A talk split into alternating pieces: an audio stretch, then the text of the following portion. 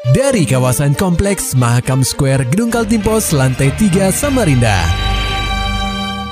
96,8 KPFM Kita akan ikuti program KP Flash News.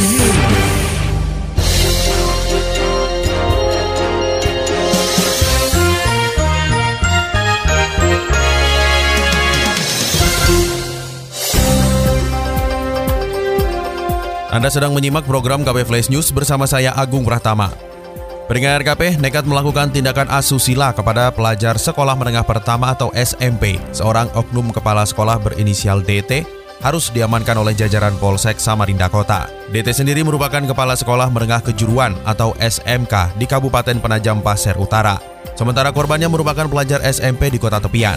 Awal keduanya saling mengenal bermula dari aplikasi micet. Akhirnya, keduanya saling bertukar nomor handphone dan kerap melakukan video call. Keduanya pertama kali bertemu di bulan Agustus di mana DT telah melakukan perbuatan tak senonoh kepada korban sejak pertama kali bertemu. Tercatat ada empat kali sudah pria 58 tahun itu melakukan tindakan cabulnya. Puncaknya pada Selasa 4 Oktober 2022, DT nekat menjemput korban yang berusia 14 tahun di sekolah untuk kemudian melakukan tindakan asusila di sebuah hotel kawasan Samarinda Kota. Kapolresta Samarinda Kombes Pol Arif Fadli melalui Kanit Reskrim Polsek Samarinda Kota, Ibtu Fahrudi, mengatakan pasca tindakan asusila tersebut, kemudian korban melaporkan hal ini kepada orang tuanya. Lantaran tidak terima, akhirnya mereka melaporkan kejadian ini kepada pihaknya dan segera membekuk pelaku yang masih berada di wilayah Samarinda. Berdasarkan hasil penyidikan diketahui bahwa pelaku selalu menggunakan bujuk rayu untuk melampiaskan nafsunya kepada korban. Setiap bertemu pun korban selalu diberi imbalan sebesar Rp500.000 agar mau melakukan hal tidak senonoh. Si korban ini buka aplikasi micet ini tujuannya untuk mencari pertemanan. Namanya anak SMP kan nggak ngerti kalau micet itu ternyata jauh ke sana adalah open BO. Dia bukan open BO tapi mencari pertemanan.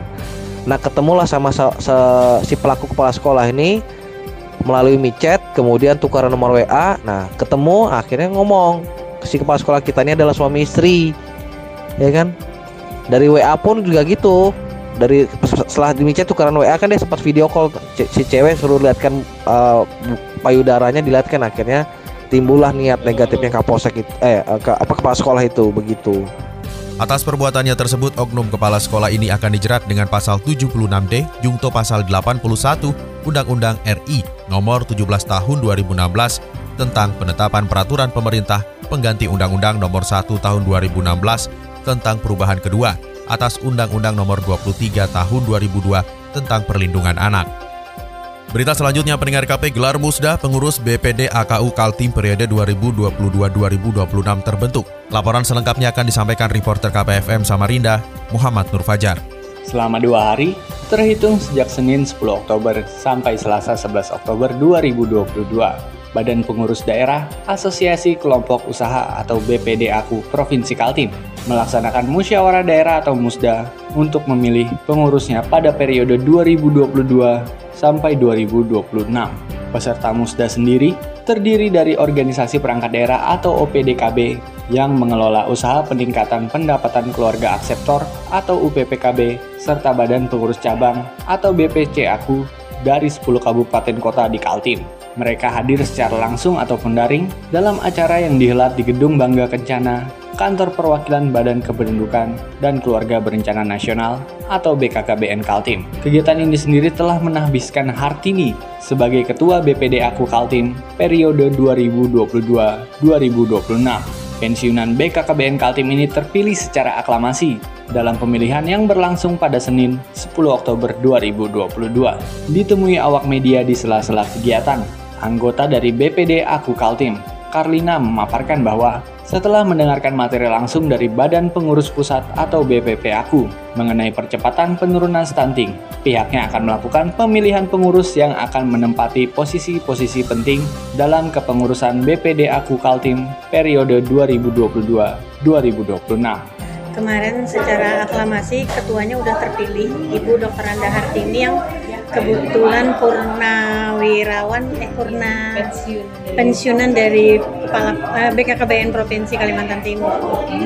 Nah, hari ini selain materi kita juga nanti akan meneruskan ini udah terbentuk tim tim formatur ya yang ketuanya tuh uh, ketua terpilih ya Mbak Dewi ya di, diwakilin uh, ditemanin sama anggota formatur dua orang. Jadi hari ini rencana setelah materi dari BPP aku pusat BPP Badan Pengurus Pusat aku itu materinya tadi akan dilanjutkan nanti ya pemilih pemilihan pengurus ya yang akan di setelah acara ini.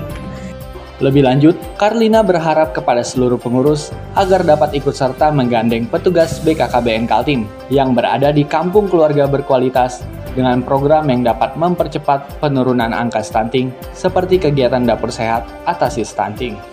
Mereka juga akan memberikan uh, makanan-makanan yang bisa dikelola sesuai dengan kearifan lokalnya untuk mengatasi stunting. Ya, seperti mungkin di Bontang banyak ikan. Bagaimana kemudian dari kelompok usaha dari UPPKS, UPPKA ini bisa mengolah semacam makanan yang bisa dicontohkan di lini lapangan untuk para keluarga yang anaknya itu terdampak stunting lah, terdampak terdampak ya bahasanya ya nanti dilihatlah nanti.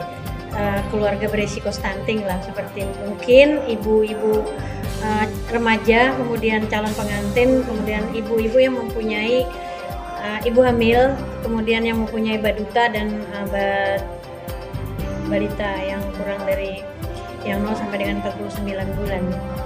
Karlina menginginkan seluruh pengurus BPD Aku Kaltim bisa mengelola pangan lokal agar bernilai ekonomis serta bisa membantu pemenuhan gizi dan ekonomi kepada keluarga yang beresiko melahirkan anak yang stunting sehingga resiko terjadinya stunting mampu dicegah. KPFM Samarinda, Muhammad Nur Fajar melaporkan.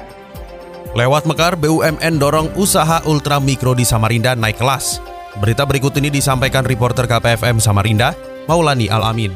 Staf khusus Menteri BUMN Arya Sinulinga mengatakan sebanyak 10.000 warga Samarinda adalah nasabah program Mekar dari PT Permodalan Nasional Madani atau PNM.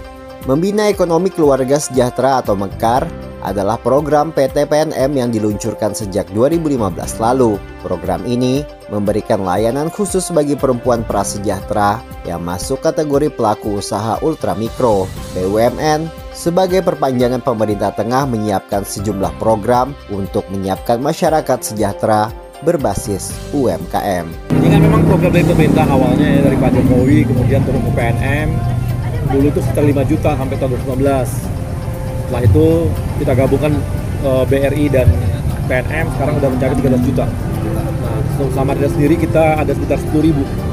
10 ribu tadi ultra mikro yang udah kita kasih pinjaman. Tadi saya udah beritahu sama Pak Wali kita ada target kita 24 ribu di, di Samarinda supaya bisa keluarga prasejahtera itu bisa kita bantu kasih pinjaman Program Mekar membantu masyarakat yang ingin memulai usaha maupun mengembangkan usaha. Pemimpin cabang PT PNM Samarinda Yasdi Anugrah menerangkan pinjaman yang diberikan kepada pelaku usaha bervariasi, mulai dari 2 juta rupiah hingga 9 juta rupiah.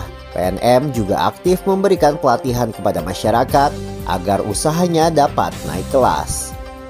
Jadi PNM itu kan pinjaman ya, hmm. apa namanya memberikan pinjaman ada tiga, jadi memberikan modal, modal finansial, modal intelektual, dan modal sosial. Jadi selain pinjaman, kami juga mendampingi memberikan pelatihan hmm. dan juga aktif memfasilitasi penjualan dari nasabah-nasabah dalam bentuk program-program internal PNM. Untuk menjadi nasabah Mekar, caranya cukup mudah. Calon nasabah adalah perempuan warga negara Indonesia atau WNI berusia 18 hingga 63 tahun yang memiliki usaha. Pinjaman juga bisa dilakukan oleh kelompok masyarakat yang terdiri dari 10 orang. KPFM Samarinda, Maulani Alamin melaporkan. Maulani Alamin, Muhammad Nur Fajar, KPFM Samarinda. Serta dapatkan berita-berita selengkapnya di www.968kpfm.co.id.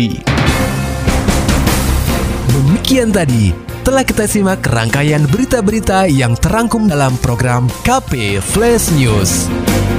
Persembahan dari 96,8 KPFM. Terima kasih dan sampai jumpa.